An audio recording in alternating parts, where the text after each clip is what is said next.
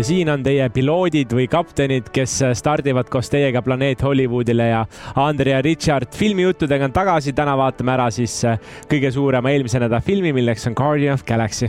ja Galactica valvurid kolmas osa no ma juba tahaks ära spoil ida, mis ma sellest filmist arvasin, see oli üks kogemus, ütlen praegu nii, aga eh, tegemist on siis meil kaheksanda osaga juba siin podcast'is ja peale Galactica valvurite, millest me siis veel täna räägime, loomulikult võtame ette Hollywoodi suurimad eh, filmiuudised, palju on toimunud vahepeal, lahkame need läbi, paljud treilerid on tulnud välja. Ja siis võtamegi ette arvustuse osa ja loomulikult soovitame Jupiterist ka midagi head, sest me ikkagi asume Jupiteri platvormil ja, ja kui keegi mõtleb, et huvitav, miks meid kuulata ja see ei ole veel selge, siis äh, filmisõpradelt, filmisõpradel on südames südamesse, tahame seda infot anda, sellepärast ise oleme suured filmifännid, käime iga nädal vähemalt kord kinos ja miks mitte jagada neid kõige põnevamaid asju ja muideks filmiuudistega veel alati see, et äh, kunagi ei leia neid üles või need Eesti meediasse mõnikord ei mm -hmm. satu, nii et kui sina oled selline inimene, kes spetsiaalselt neid ei otsi, siis oleme meie selle töö ära teinud ja nagu Richard ütles, äh, kohe esimeses sektsioonis hakkab rääkima rääkima, ei tahaks väga palju ette öelda, mis uudised on, aga kuulete ise ja mul on üks soojendusküsimus sulle, Richard. räägime siin filmidest, kaheksas saade, pole rääkinud filminäitlejatest ja, ja tahakski teada, milline on sinu lemmik eh, naisnäitleja praegu ja milline on meesnäitleja? praegu just, võib-olla mitte üleüldse, aga, aga täna, tänasel päeval jah, see on, see on hea küsimus, see tõesti muutub ajas, aga meesnäitleja osas on mul kohe kiirelt vastus varrukast võtta ja. Mait Malmsten. see on peaaegu, see on Tom Cruise ja ma tean, see kõlab nagu ilgelt mainstream vastusena, kõige kuulsam mees, kes meil eelmisel aastal äh, Top Guniga laineid murdis.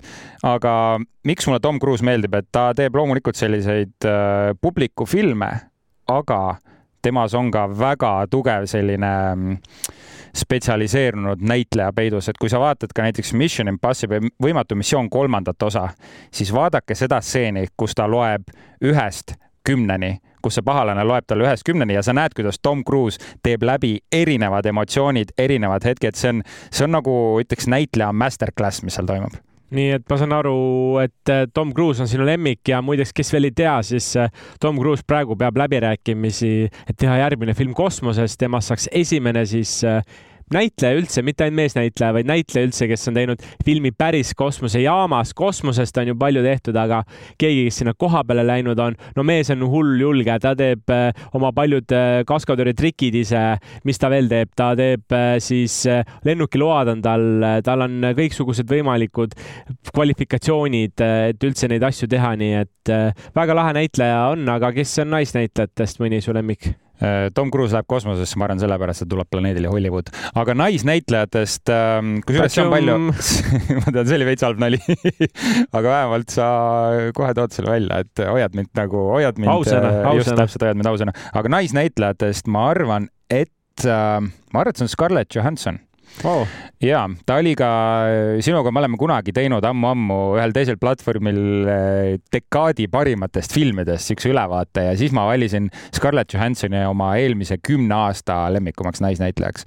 ja ta tõepoolest, no alustas üsna noorelt, minu, ma arvan, esimene film, kus ma teda mäletan, oli äkki Lost in Translation, ma tean, et ta on varasemalt ka teinud äh, sihukest, ma ei mäleta, see polnud päris Jumanji, kus ta kaasa tegi, ma praegu jään vastuse võlgu, aga no nüüd vaadates, kuhu ta on jõudnud, loomulikult Marveli filmides palju mänginud, aga sellistes filmides nagu Lucy. Marriage Story, Lucy, no kusjuures tema roll Lucy's on väga hea, isegi kui see film ei ole kõikide mm -hmm. lemmik, siis no, noh, ta on praegu, ütleme äh, Scarlett Johansson on nagu Leonardo DiCaprio tasemel minu arust nagu naisnäitlejate osas no,, et äh, tõeline korekiht, aga ma tahan teada, kes on sinu lemmikud ja sina oled mu lemmik, see on äh, kindel wow., kindel värk, aga. kui sa oleks natuke vähem sarkasmi kasutanud, ma oleks isegi uskunud sind. aga kes mul on ja meestest on Christian Bale kindlasti, kes on lihtsalt äh, ja. nii tugevaid rolle teinud, äh, olgu siis kasvõi need Batmanid või viimases Thoris, kus muu kõik oli jama, aga tema oli väga lahe ja. oot-oot-oot, Thor Thor, armastus ja kõu, noh, see oli kohutav, ärme sellest wow. praegu isegi rääkima hakka.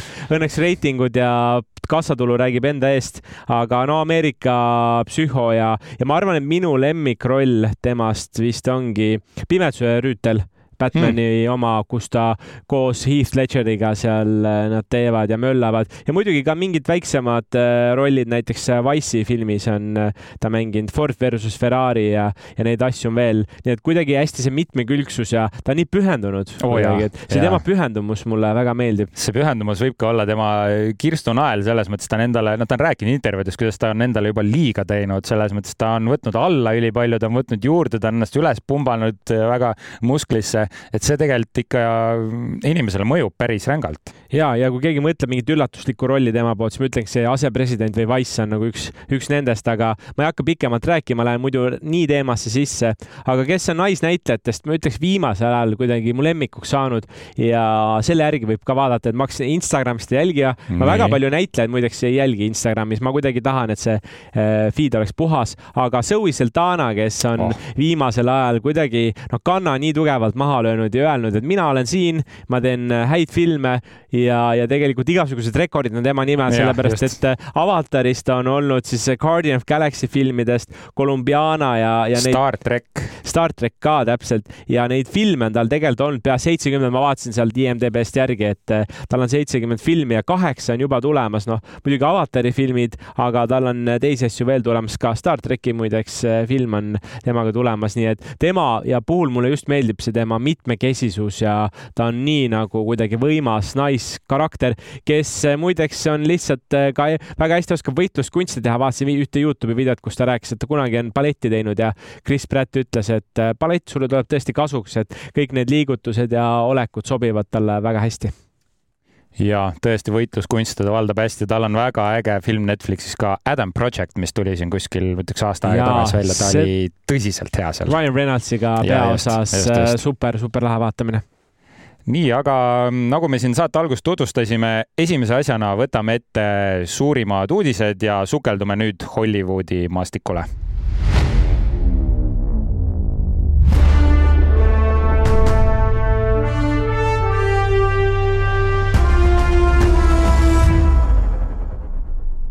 ja kuidas meil uudiste segment üles ehitatud on, et nii mina kui ka Andri otsime kaks uudist, mis tunduvad meie jaoks olulised. me oleme teile need sommeljeed, kes valivad välja need parimad uudised ja siis veits arutame, kuidas nad mõjutavad ühte või teist kohta või siis räägime ka uutest treileritest, mida no on päris lõbus teha, peab tunnistama, et aga Andri, sina vist teed algust meil esimese uudisnupuga.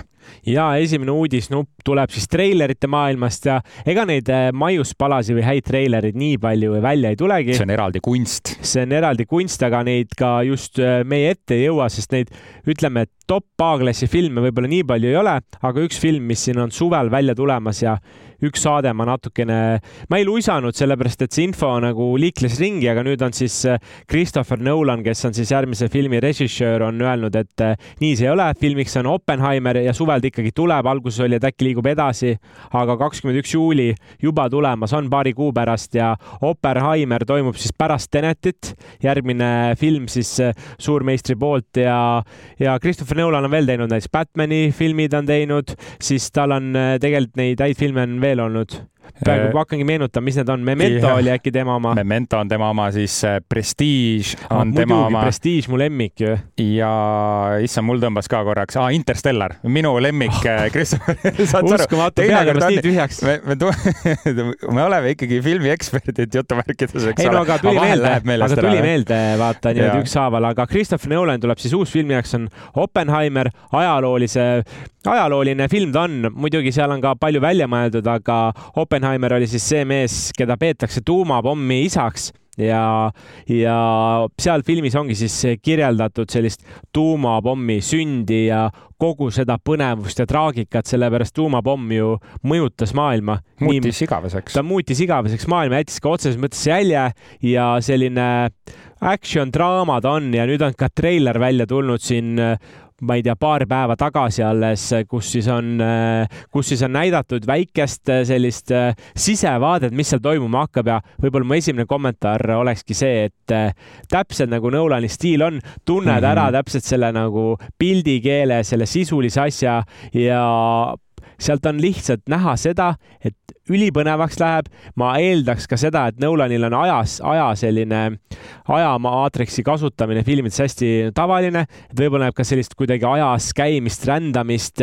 mis see lugu on ju, me täpselt sada protsenti ei tea, sest see on, tema stiil on ka originaallood ja mm -hmm. muidugi ta on võtnud selle Oppenheimeri nagu baasiks, aga kindlasti tema sellist puudutust on ja ma, minu üleskutse võib-olla siin ongi lihtsalt minge ise vaadake treiler ära, te saate palju äratundmisrõõmu, aga kui nüüd küsida, kes seal üldse mängib, siis Killian äh, Murphy mängib peaosa, tema on ka mänginud tegelikult äh, Nolani teistes filmides, äh, seesama Inception näiteks, mida ma üldse ei maininudki, aga mis mul praegu tuli, mis mul praegu tuli, tuli meelde ja Killian Murphy on ju mänginud ka Peaky Blindersis on pikalt teinud, nüüd võib-olla viimasel ajal ta ongi just sellega nagu rohkem tuntust saanud ja eriti selline šarmantne karakter on, tema mängib seda Oppenheimerit seal. ja Killian Murphy on öelnud pikalt, et ta tahab Christopher Nolani jaoks just peaosa rolli mängida, et ta on väga palju kõrvalosades olnud, aga nüüd tal on see võimalus olemas täpselt nii ja, ja tema on siis peaosas, aga kes siin äh, filmis veel mängivad, siis. Äh, oota, kas teil on järgmised tund aega aega, sest et see on ei, nii võimsalt no,, ei, ei, ma ütlen, et see on nii ägedalt pikk nimekiri et.... no näiteks on Robert Downey Jr, keda me teame siis Ironmanina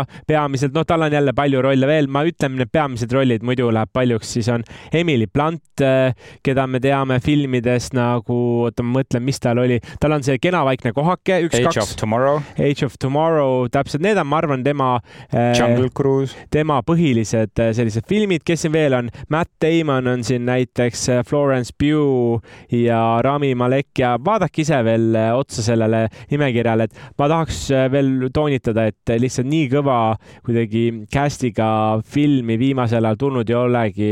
tavaliselt on need superkangelaste filmid, aga siin on sellist draamahõngu ja, ja ma rohkem ei ütlegi, minge vaadake. ma arvan jah, et mida see film teeb ja mida see treiler näitas, on just see, et sellised ajaloolised biograafilised filmid saavad täiesti uue taseme saavutatud ja no seda saamegi nüüd äh, suvel näha. ja võtame edasi nüüd siit äh, no jääme ikka Ameerikasse ja käimas on stsenaristide gildi streik. mida siis nüüd tähendab äh, filmitööstusele, sellest kohe räägime, aga mm, screenwriter'id ehk siis filmistsenaristid on äh, kollektiivsele streigile läinud. viimati oli siis äh, kuusteist aastat tagasi sarnane olukord, kus ähm, kirjanikud samuti ei olnud oma noh, töötingimustega rahul ja, aga miks üldse see streik algas? no tegelikult vastus on lihtne. palk, palk raha, ja raha, raha., eks ole. teleproduktsioon on kasvanud hüppeliselt viimastel aastatel, aga tasud on jäänud siiski noh, ütleme stagnatsiooni omadega. ja mitte ainult siis ka teleproduktsioon, aga streaming teenused on võtnud päris suure sellise tüki ja järjest populaarsemaks lähevad, mis tähendab seda, et massi tuleb rohkem ja teine, mis seal veel oli see, et sarjad tegelikult hooajad lähevad lühemaks, nii et neid originaalseid ideid peab eriti palju olema. täpselt, tegemist ongi siis autoritasudega, mis äh, siis muret tekitavad stsenaristidele, sest et äh, telekordused vanasti andsid äh, stsenaristidele siis inglise keeles royalty'd ehk siis meie, meie, meie keeli autoritasu mida noh, nüüd ju sarjad ongi kõik striimingus, eks ole, ja neid osasid sa mainisid, on vähem. et äh, kindlasti käib see mm, vestlus just selle ümber, et nad saaksid ka striimingust sõltuvalt neid äh, korduste tasusid, mida nad praegu ei saa. aga olles ise striiming teenuste turundamisega Eestis äh, pikalt kokku puutunud, mis tähendab ühtlasi olen ka seda sisu poolt kõvasti näinud, siis ega, ega peab aru saama sellest, et lihtsalt see, kes võtab riski see peab ka präänikut pärast sööma, sellepärast et väga palju projekte on neid, mis väga suurelt ebaõnnestuvad ja vähesed projektid tegelikult õnnestuvad ja siis jääb justkui mulje, et oo, lüpstakse siin kõige parem koor ära, aga lihtsalt on see, et see, kes maksab, see mõnes mõttes tellib ka muusika, nii et ma nagu saan ka streaming teenustest aru, aga see, et palgatõusu nagu anda, see on okei okay.. lihtsalt sellesse ma ei usu, et anda protsent mingist asjast, sellepärast et see looks no, nii võtta. suure pretsedendi, pretsedendi ja ma ei usu, et Netflix ega keegi tuleb kaasa, aga palka tuleks tõsta, see on nagu arusaadav. kusjuures ega see ei pruugi ka protsendina olla, see võib näiteks olla igasuguse mingi kliki või mis iganes vaatamise pealt tuleb mingi null koma null null null üks dollarit, mitte isegi protsenti, onju. et äh, seal kindlasti need läbirääkimised on väga mitmekihilised. Ähm, teine teema veel on tehisintellekti tulek ja kuidas stuudiod hakkavad äh, filmistsenaariumites, sarjastsenaariumites seda kõike ära kasutama. Äh, no tehisintellekt on selline väga popp sõna praegu, eks ole, kõik räägivad sellest ja noh kes meist ei oleks chat GPT-d natuke kasutanud, lasknud mingisuguse teksti kokku kirjutada, samamoodi saab seda ka filmi ja sarjade stsenaariumi puhul hakata kasutama täpselt nii mina olen lasknud ka näiteks tegelaskujusid välja mõelda mm -hmm. või küsinud tu käest, et kuidas kirjutada ühte head äh, sarja tegelaskuju ja ta annab päris täpselt nagu aimu ja siis sa saad tal paluda nagu laiendada, et aga too mulle näide, kirjuta mulle, kirjuta nagu mulle ekspert ja, ja nii edasi, et seal tuleb nutikust olema, aga see võib küll juhtuda, et varsti algoritmid võivad seda tööd üle võtta, nii et see on täiesti uus tahk, mis võib tulla, aga, aga olgu öeldud, et tegelikult paljud režissöörid, näitlejad on kaasa elanud ja öelnud, et muidu muidugi teil on vaja raha saada rohkem ja me tuleme kaasa ja lugesin siin alles hiljuti, et äh, ma tean, et paljud ootavad Stranger Thingsi äh, viiendat hooaega, aga, aga pidi hakkama siis suvel filmima, aga vot sulle nalja, nüüd on streik, mis tähendab seda, et Stranger Thingsi viies hooaeg on juba teada, et lükkub edasi, sellepärast et äh, see kirjutajate streik on näiteks neid mõjutanud ja ma tean, et teisigi sarju ja filme veel jah, et äh, see teema just, kuidas see streik nüüd mõjub filmitööstusele, ongi järgmine küsimus ja sa mainisid Stranger Thingsi. Äh, ütleme, sellised suuremad Netflixi sarjad äh, enamasti, mis sellel aastal peaksid välja tulema, on kõik filmitud ähm, aga mida see kõige rohkem mõjutama hakkab, on just tõsielusarju ja seebikaid, mis siis on tegelikult juba selline surev, äh, surev tõug äh, on üldse tele ja sellised seebiooperid, nagu me vanasti mäletame, neid jääb aina vähemaks. Ja noh, neid kirjutatakse ju väga lühikese ajaga ainult ette, et nende nii-öelda uut pealetulekut tunneme me juba kuskil kuu aja pärast, öeldakse niimoodi, aga suured filmid, Hollywoodi filmid, ütleme, mis no ütleme, see streik ei tohiks mõjutada nüüd filme, kui see streik ei kesta rohkem kui mingisugune kuus kuud näiteks, sest enam enamus filme on juba purgis, eks ole, ja need on väga pikalt ette tehtud. et enamasti, kus seda tundma hakkab, ongi siis teleseriaalid ja mis on juba oma tuled välja lülitanud, on siis äh, talk show'd ehk siis vestlussaated. Jimmy Fallon, Jimmy Kimmel, Colbert, äh, nemad on kõik juba põhimõtteliselt tuled kustu läinud streigile ja streigivad koos nende samade stsenaristidega, sest nad on ise ka selle gildi liikmed, nii et selles mõttes väga, mis see sõna on, solidaarne käitumine nende poolt. ja absoluutselt, aga loodame, et see asi saab kiire lahenduse, muidu kõik kannatame. olen kuulnud ka ekstreemset arvamust, et aga ärme lähe kaasa, laseme siis need kõik lahti, võtame Euroopast kirjutajad peale, hakkame kuskilt Just. alustama. nii et neid, ütleme, neid äärmuslikke variante on päris palju, aga, aga no loodame, et ta läheb sujuvalt, loodame, et saadakse palgatõus ja nii on ja sa tegelikult mainid väga huvitavat asja, millest ma natuke tahtsin ka rääkida, just, et mida see tähendab nüüd äh, meile ja Euroopa sarja filmitööstusele, siis tõepoolest seda mahtu siis Euroopa sisu pool võib hakata noh, see võib hüppeliselt kasvada.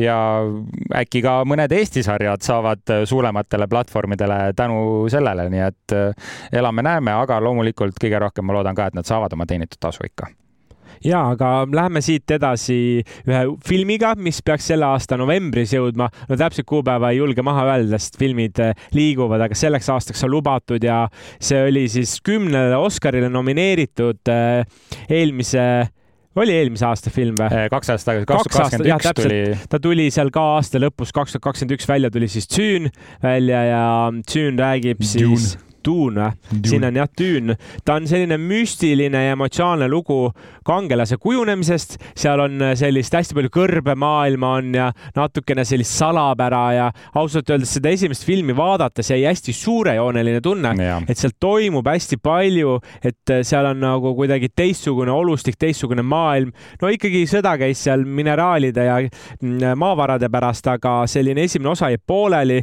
Timothy Chalamet on äh, siis peaosa osa seal noor mees, kes äh, näitlejamaailmas siin on äh, tõusnud äh, tribüünile ja kui esimene osa sai kümme Oscari vähemalt nominatsiooni, siis ma tean, et teist osa küll oodatakse väga palju ja kui esimene osa ära lõppes, ma läksin poodi, ostsin raamatu, sest Tubli. ma ei suutnud, ma ei suutnud nagu oodata, et mis siin saab, sellesse põnevus jäi kõik õhku ja ta on, kui nüüd tuua filmimaailmas mingi paralleel, siis ma ütleks, ta on selline ikkagi kunsti, suur kunstiteos ja kunstiteos selles mõttes, et ta ei ole võib-olla nii kriitiline kriitikute film, aga kunstiteos selles mõttes, et on võetud aega, on võetud raha, on loodud täpselt selline maailm, mis annaks äh, nüüd seda tunnet edasi. Ja miks ma sellest räägin, väga lihtne, sellepärast nüüd on antud välja Tsuuni teise osa treiler, mida igaüks saab minna vaatama ja see treiler tekitas kananahka ja me näeme, et see tegevus jätkub kohe pärast seda esimest osa, aga mul on selle treileriga probleem. Äh, see stseen, mida seal treileris näidatakse ja võib-olla mõned inimesed tahavad niimoodi vaadata filmi, et nad üldse ei vaata treilerit. Äh, see film näitab ära ühe väga olulise koha, mis seal raamatus juhtub, mis on selle tegelase jaoks äh, väga suur moment ja seda näidatakse põhimõtteliselt väga pikalt. Äh, nii et kes, kes ei taha teada, mis siin treileris juhtus, mingi kolmkümmend sekki võib kõrvad kinni panna, aga ta näitab ära seal treileris, kuidas ta selle suure ussiga hakkab sõitma. Ja kuidas mm, Timothy Chalamet eh, siis nagu taltsutama hakkab seda, me näeme, kuidas Zendaya seal reageerib, me näeme, kuidas Javier Bardem reageerib, see on väga oluline moment ja selline nagu cliffhanger mõnes mõttes, aga nad näitavad nii hästi seda treileris ära, ma mõtlesin, et täitsa lõks. aga võib-olla see ei ole ikkagi nii suur spoiler, et minu jaoks äh, ei olnud see no suur... raamatut oled lugenud, onju? Äh, ei, ma ikkagi lugenud, ma ostsin, ma ütlesin, ma ostsin, see ei kuula, see ei kuulanud mind. ma ei, ei lugenud seda, aga muideks ühe filmiga, äh, kus ma ostsin, oli Näljamängud ja lugesin läbi ka kohe järgmine päev, aga okay. Tsüüniga kuidagi jäi see ikkagi kapile peale seisma. ma pidin otsast peale lihtsalt alustama, ma tahtsin ainult okay. seda kohta, mis sealt edasi läks, aga, aga minu jaoks ei olnud väga suur äh, spoiler ja ma kuidagi ootasin. lihtsalt see kõrbemaailm on lummav ja jällegi kokkuvõte sellest jutust on see, et minge vaadake Tsuuni teine treiler ära, kui teid see film huvitab ja kui te ei teadnud, et see, see asi on üldse tulemas, sellepärast et üks vinge andmine on. Need mõlemad filmid või need mõlemad treilerid, millest me oleme rääkinud ja filmid, need on, ma ütleks selle aasta vähemalt top kümnes küll kõige oodatumad filmid, mis võiksid tulla. kindlalt minu selle aasta kõige oodatum number üks kohal. sina ja mina, Andri, käisime isegi äh, Ringvaates äh, rääkimas selle aasta oodatumatest filmidest ja see, kusjuures võib päris äge vaatamine olla, kes tahab näha, kuidas mina ja Andri paneme mingisuguse viie minutiga, loetleme ette, palju, mis filmist me rääkisime, mingi viieteistkümnest? kümnest filmist, aga tead, mul on ettepanek, vaataks selle nimekirja üle ja järgmine saade alustaks sellega, et äh, räägiks ühe äh, lõigu sellest, et äh, mis on siis selle aasta veel tulevad head filmid. Mm, -hmm. sellepärast et neid üllatusi on veel ja, ja ma tean, et inimesed tahaksid teada. Kindlasti, võtame ette. Ja kes tahab näha, kuidas mina, Andrei räägime kümnest filmist mingi viie minutiga, siis Ringvaate lõikus me räägimegi sellest samast podcast'ist, minge otsige Jupiteris Ringvaate, ma ei mäleta, millal me seda tegime, aga otsige see ülesse ähm, Lähme edasi siis veel ühe päris, äh, no ütleks sihuke väga meelelahutusliku uudisega. MTV filmi ja teleauhinnad jagati no, siis nii. Äh, eelmisel nädalavahetusel. aga seesama stsenaristide streik mõjutas ka seda üritust, mis pidi algselt olema siis äh, otseülekanne oli eelsalvestatud saatena tehtud ja Drew Barrymore, kes pidi olema õhtujuht, esines ka ettesalvestatud klipina ja kogu see show oligi siis äh, ilma sellise live äh, publikuta. ja see MTV auhinnad on või noh, filmiauhinnad on mõeldud just nooremale publikule võib-olla, et muidu võib-olla Oscarid jäävad kaugeks, muud auhinnad jäävad väga kaugeks, siis äh, MTV auhinnad võiksid olla need, mis noortele peale lähevad. Ja minu meelest äh, ta võib-olla ei ole nii prestiižne, aga ma arvan, et see ütleb äh, midagi ikkagi filmide kohta ära ja, ja lahe on näha, mis noortele peale läheb. me oleme ja, ka noored, mis meile peale läheb. me oleme ka veel noored. Äh, ja filmid, mis võitsid seal siis auhindu, ma loen sellised kõige äh, olulisemad kategooriad, seal oli päris palju neid kokku. valiti siis äh, parim mängufilm, milleks sai Karje kuus Scream Six, äh, mulle meeldib alati inglise keeles see pealkiri ka öelda. Äh, õudukas võitis parima filmi auhinna MTV. päriselt, vot see on üllatav, aga samas ma saan aru, mis selle võlu on. Need Scream'i filmid ka mina avastasin paar aastat tagasi alles enda jaoks nagu selle. sulle meeldivad väga, ma tean. Äh, ja mulle pigem meeldivad, ma õudusfilme muidu ei vaata mm, -hmm. aga see süžee on kuidagi kaasaarv ja ootamatu ja natukene nagu jabur, et, et seal just. räägitakse asjadest, mis võiks juhtuda ja ta on nagu psühholoogiline ka natuke, aga jabur endiselt, nii ta et. meta, vaata ta murrab nagu neid seinasid, mis on äh, õudusfilmide poolt äh, aastakümneid üles laotud ja ta reaalselt nagu räägibki nendest äh, nii-öelda klišee kohtadest ja nagu noh, suhtleb nagu vaatajaga kohati selles mõttes see film. Äh, parima sarja võitis The Last of Us ehk Viimased meie hulgast, mis oli siis äh, sari, kus Pedro Pascal mängib Joel'i, kes äh, läbi apokalüptilise maa siis toimetab ühte tütarlast turvalisse kohta. parim näitleja mängufilmis oli Tom Cruise Top Gun Maverick parim näitleja sarjas oli Jenna Ortega Wednesday sarja eest, mis on Netflixis, mis ma tean mõlemale, nii sulle kui mulle väga meeldis. väga meeldib ja muideks ta oli Screamis ka mängis ühte peaosa, nii et tundub, et noortele läheb ta peale ja noh, seda on teada või näha isegi, et ta, temast on tuleviku tegija kasvamas, järjest paremaid rolle ta saab, nii et ma ei imesta, kui varsti ka kuskil Marveli või mis iganes teisesse universumisse me teda näeme ja parim kangelane, seesama Pedro Pascal Jolina viimased meie hulgast, parim kurikael läks Doctor Strange'ile hullumeelsuse multiversumis ja Scarlet Witch ehk siis Elizabeth Olsen. kuidas ei, see on ülihea film Doctor Strange'i äh, viimane film, kusjuures mulle algselt meeldis veidi vähem, uuesti vaadates on see väga mõnus vaatamine, nii et andke võimalus sellele. tead, me võiks ühe, ma täna tundub, et heade mõtete masin olen, aga võiks ühe osa tehagi mingid sellised filmid, mis me valime välja, mis loovad äh, konflikti, vastasseisus. ma tahan põhjendada nagu konkreetselt ära, miks mulle mingid asjad äh, üldse ei meeldi, ma olen valiv, tundub tundub nii, aga kõige olulisem äh, auhind, mis on MTV filmi ja teleauhindade puhul, on loomulikult parim suudlus, kes võidab siis parima suudluse auhinna. see on nüüd väike mm, vihje ka filmile Tropic Thunder, mida oled võib-olla näinud, kus äh, filmi alguses oli Toby Maguire, äh, keda tutvustati siis ühes Pila filmis parima suudluse võitjana. aga selle aasta parim suudlus läks Madison Bale'ile ja Rudy Pankole, kes on sarjas Outer Banks mina seda sarja vaadanud ei ole, aga tean, et tegemist on päris siukse palava armastuslooga. Äh, ta ei ole, ta on isegi thriller, põnevik, aga ta on tehtud siukse, no ikka nooremale publikule ja sellise väga sellise seksika sarja on nad seal loonud. No ju siis auhind läks õigesse kohta ja, ja kui siin järgmine aasta ka võit tuleb ära, siis hakkame vaatama jep, ja mida siit tunda on võib-olla, et äh, enamasti ikka võidutsevad siin äh, sellised fantaasia, õudus, apokalüptilised, ulmekad, sellised väga žanri, ütleme, et noh, kas no, tavalist, tavalist draamat nagu siin jah, väga ei näe, et äh, selles mõttes see on võib-olla see läbiv joon siin MTV filmi ja teleauhindadel. aga läheme edasi oma põhi, põhiasjaga, milleks on siis nädala film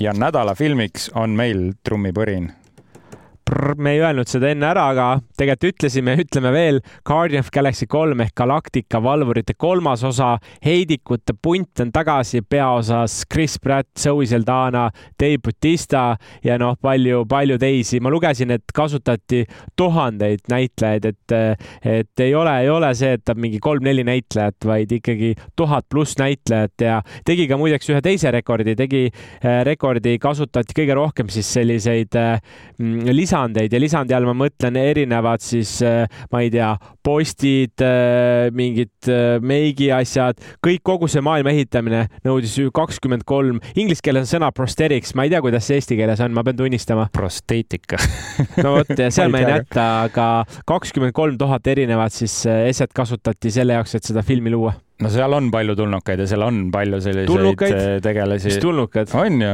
enamus on kõik tulnukad no peale inimest ongi kõik tulnukad. sõna okay. tulnukas on yeah,, tulnukas on, see, et tuleb mingi ufo kuskilt alla. Nad on eh, lihtsalt erinevad rassid. maavälised olendid. maavälised olendid, kes elavad e-, erinevatel planeetidel, erinevad iseloomud. aga mis me seal filmis nägime üldse?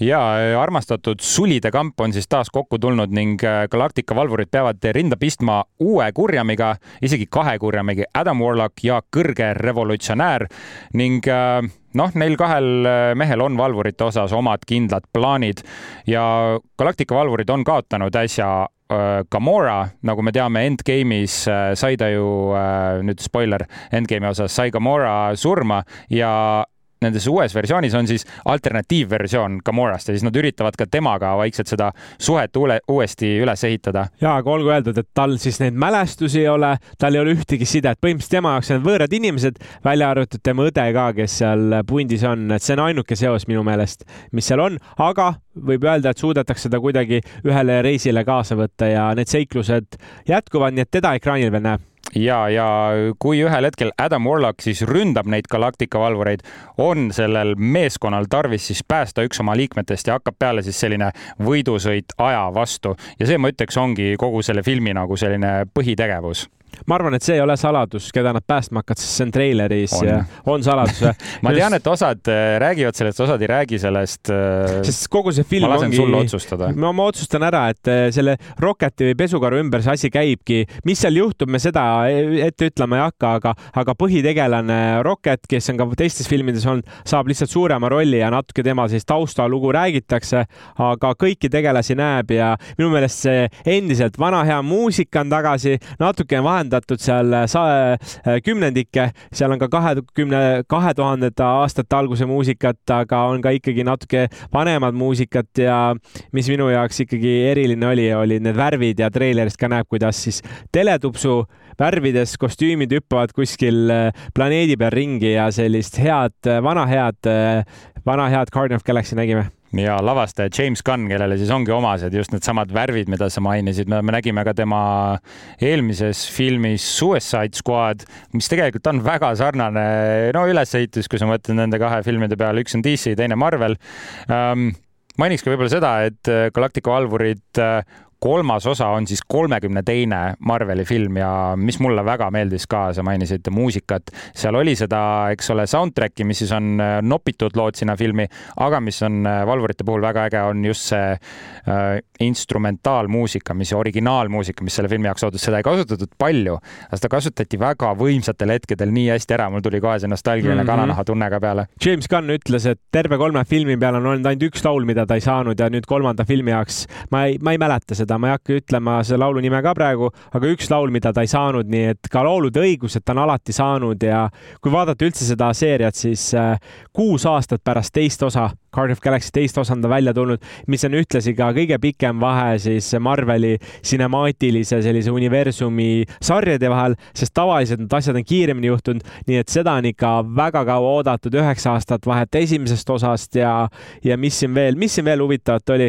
no see ka võib-olla, et kolmas triloogia üldse Marveli siis universumis, kus on täpselt sama režissöör, esimene triloogia on Sam Lickmehe filmid ja mm. -hmm. teine on siis äh, Sipelgamehe filmid, nii et lahe näha, minu meelest see annab väga palju juurde, kui sama režissöör äh, loob siis äh, selles seerias neid filme ja uuesti ja uuesti.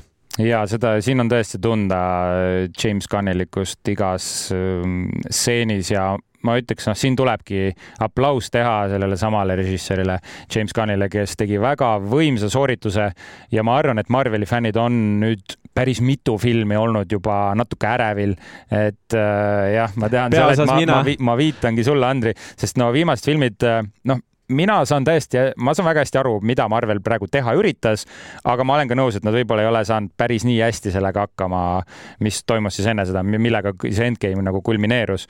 aga nüüd ma saan aru, ja et äh, emotsioon on võib öelda- võib öelda, et, et on selle missiooniga hakkama saadud ja, jaa. on,, see on küll, ma eelmine kord ka ütlesin, et minu jaoks on kas inglise keeles on väljend make it or break it, et kas see teeb selle asja ära või ta ei tee.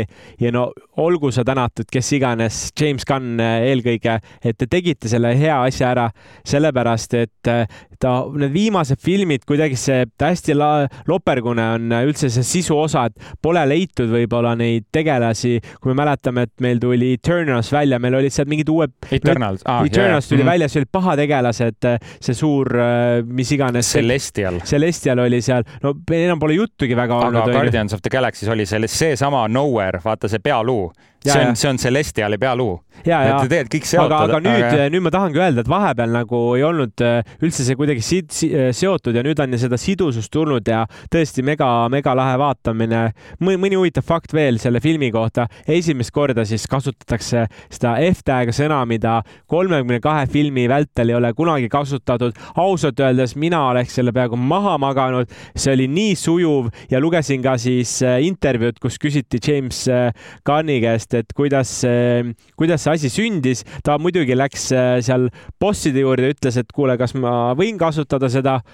bossid ütles muidugi võib, et Russo Brothersid mõtlesid Iron või selle Endgame'i lõpetada ka niimoodi, et äh, Iron Man siis ütleb lõppu selle F-tähega sõna, aga siis nad mõtlesid, kas, kas see on nende pärand, mida nad jätavad ja nad ütlesid, nad ei tee seda ja siis äh, nüüd on selle, selle filmi režissöör on siis öelnud, et tema tahtis kasutada, nii et esimest korda näeme F-tähega sõna, jah. Ja seda oli kuulda, ma, kusjuures jaa, seda kasutati väga oskuslikult, et mitte, mitte nagu liiga silmapaistvalt ja üleüldse ma ütleks, et äh, see film oli väga täiskasvanulik, seal oli väga karmi teemakäsitlust.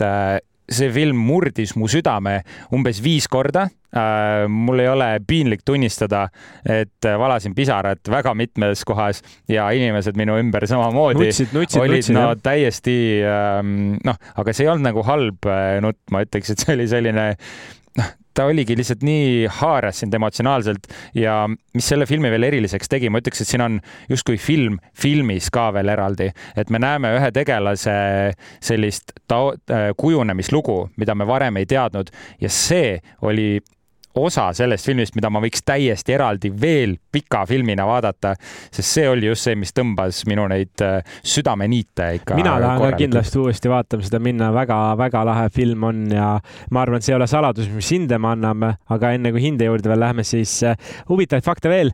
Äh, teame sellist tegelast nagu Traxial, tema on siis see suur tüüp, kes on, proovib kõike vaikselt teha, kes natuke võib-olla kõiki asju ei taju, aga mis Dave Bautista siis öelnud on, kes mängib tema rolli, on see, et terve filmi vältel näete teda särgiga, mitte silmasärgita, sellepärast et ta ütles, ma olen nii vana, et ma ei jaksa seda füüsilist vormi enam üleval hoida ja tead, ma panen särgi seekord selga ja nii oli ka, et äh, särk on tal seljas, vaadake seda, see tead, see võib minna nüüd silma alt ära, kui üldse ei tea seda fakti, aga mina teadsin seda fakti enne, vaatasin, opa, mehel on särk seljas ja, ja mingid väiksed asjad, mis äh, loovad seda meeleolu. särk oli seljas, aga pükse polnud tal jalas või oli ikka?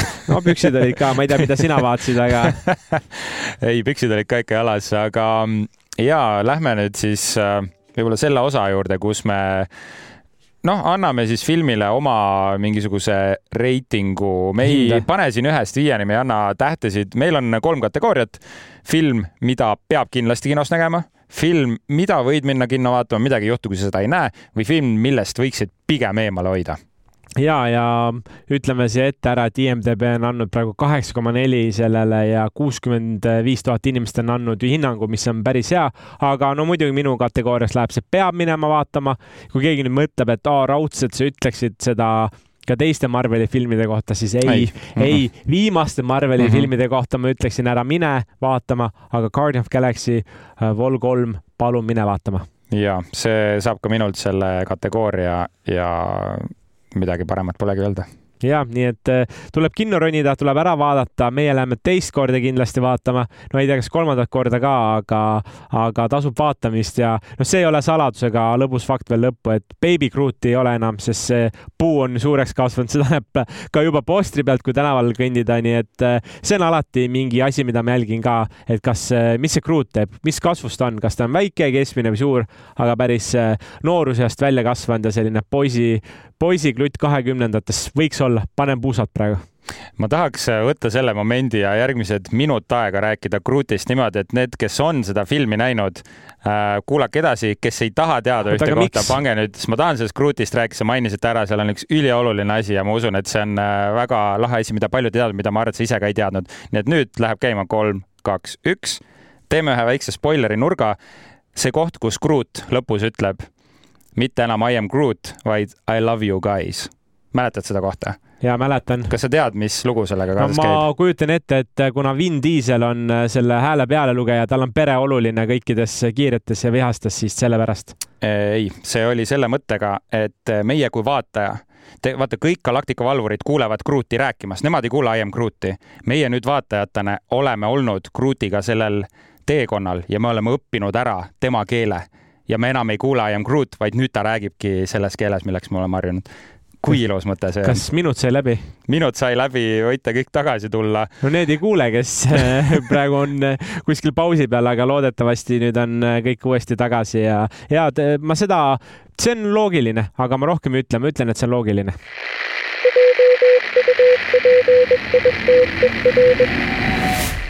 aga selleks korraks äh, liigume nüüd edasi Jupiteri nurga poole, kus me siis anname soovitusi äh, Jupiteri platvormilt, kus leiab siis üldse kõik ERR-i sisu ja väga ägedat hankesisu, väga ägedat noorte sisu. hankesisu all ma siis mõtlen välismaist äh, toodangut, mitte ERR-i oma toodangut, aga ma tahaks ühte väga ähm, sellist teistsugust asja seekord soovitada. Eurovisioon on ju kohe algamas, sellel nädalal lähevad Mega. poolfinaalid käima, aga enne kui sa vaatad Eurovisiooni, noh siis otseülekannet, võib-olla tahad ennast kurssi viia nende lugudega, mis siis iga riik on välja pannud ja mitte ainult neid lugusid niisama vaadata, vaid vaadata neid eesti viipekeeles. jah, sa kuulsid mind õigesti, viiplejad reaalselt tõlgivad ja tõlgendavad neid lugusid, kus neil ongi siis kostüümid seljas, neil on silmad värvitud teinekord.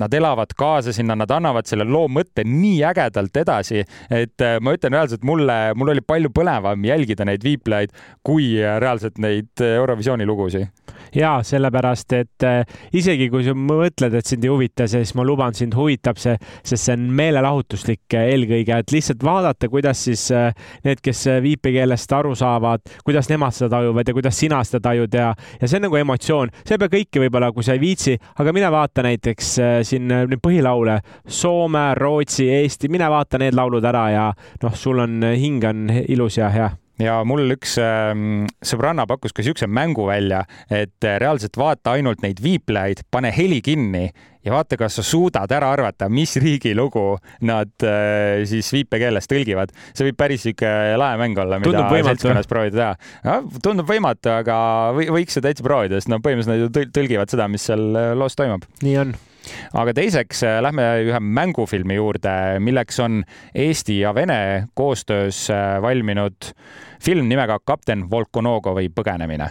see on nüüd, ütleme, film, millest tavaliselt sellises saates nagu Planeet Hollywood ei tuleks juttu, sest tegemist on, ütleks rohkem sellise kriitikufilmiga, sellise kunstilise filmiga, aga sündmused toimuvad siis kolmekümne kaheksandal aastal Leningradis, kus siis ähm, Äh, üks äh, peategelane, Fjodor Volkonogov, äh, on siis NKVD turvateenistuse kapten ning me näeme, kuidas ta näeb neid õudusi, mis seal toimub, kuidas ta otsustab sellest tööst loobuda, sealt hakata põgenema ja millised raskused, millised noh, piinad, mida kõike selle inimestega tehakse, et seal on sellist Schindleri nimekirja sarnast läbielamist, mis teeb selle filmi päris raskeks, aga see on väga väärt vaatamine, kindlasti väga oluline ka tänapäevases maastikus. tegemist on küll ühelt poolt Venemaa toodanguga, aga see on tehtud väga tugeva kriitikaga selle režiimi vastu ja kaks tuhat kakskümmend üks aasta tehtud, kaks tundi, kuus minutit pikk ja IMDB on andnud seitse koma neli, mis tundub äh, väga viisakas äh, film, mida kannatab vaadata. ja, ja Jupiteris on see juba teinud äh, mängufilmi vaadatavuse rekordi nii et äh, hüpake sellele rongile ja vaadake see ise ka ära. Me olemegi selleks korraks lõpusirgele jõudnud äh, enne kui me podcast'i salvestama hakkasime, siis me mõtlesime Andriga, et äh, millest me järgmine nädal räägime, sest et kinofilmide osas läheb üsna sellisele rahulikule režiimile. hapukurk, kuigi tegelikult suvi enne annab, juuni ja juulikuu ikkagi annavad. ja, ja aga praegu lihtsalt nüüd võib-olla iga nädal midagi ei ole, siis proovime teid üllatada, vaatame, mis kinos on. me leidsime ühe filmi, mis tundus mõlemale, muideks ma vaatasin seda iseseisvalt ka, et tundub päris lahe ja selleks filmiks on. hüpnootikud Ben Affleck peaosas äh, thriller, müsteerium, kus siis äh, toimub kusjuures midagi äh, selle sarnast, mis sulle meeldis filmis Now you see me. selline, kus on mustkunsti oh. trikke ja sellist nagu illusioonide, noh, see on tehtud Mega. nagu natuke mitte nii meelelahutuslikus võtmes, aga kuidas ähm, mis see on siis, kui, kui inimesi hüpnotiseeritakse ära see oligi, mulle ei tulnud see sõna meelde. kuidas siis see hüpnoos võib mõjutada inimest ja kuidas see thrilleri võtmes on ära kasutatud? no Ben Affleck üldiselt jama äh, väga ei tee, et ma arvan, et siit võib tulla selline väike äge põnevusfilm. ja, ja teise filmi võtame siis üllatuseks, võtame mõnest äh, streaming platvormist ka ja, ja toome teie ette ja natukene arvustame, see ei, võib-olla ei pruugi olla kõige uuem, aga neid pärleid on päris palju, mis sinna aastate jooksul äh, kogunenud on ja mida võib-olla kõik näinud ei ole, nii et kalliskivid tuleb üles otsida, siis saab need ka teie ette tuua. aga enne kui täiesti lõpetame, siis Richard, äh, küsimus. Äh, ma tean, me rääkisime siin hetk tagasi, et võiks teha selle listi või nimekirja, mis on äh, oodatumad filmid sellel aastal, aga mis on üks film, mida sina ootad kõige rohkem sellel aastal, kui üks, üks nendest välja tuua? ma juba vastasin sellele küsimusele, kui me rääkisime Dune'ist. ma ütlesingi, et see on minu number üks ja väga pika puuga. aga üks põhjus, Anna, miks? Denis Villeneuve äh, okay., filmi režissöör ta on fantastiline. sa oled armunud, ma vaatan. no täielikult siin ei ole saladust. see ütleb äh, nii paljugi ära, kui minu käest küsida, ma võib-olla ütleksin äh, näljamängud, mis peaks ka novembris oh. jõudma. näljamängud on olnud midagi, mis on kuidagi, sellega olen üles kasvanud ja Katniss Evereeniga, aga noh, teda seal ei näe, ma tean ära ja ma võib-olla pikemalt ei räägikski sellest filmist, aga hea uudis on see, et on tulemas, paljud võib-olla ei tea ja eellugu siis näljamängudele. kindlasti räägime sellest filmist siin saates ka aga selleks korraks kõik. Andrei, sinuga oli väga lõbus täna.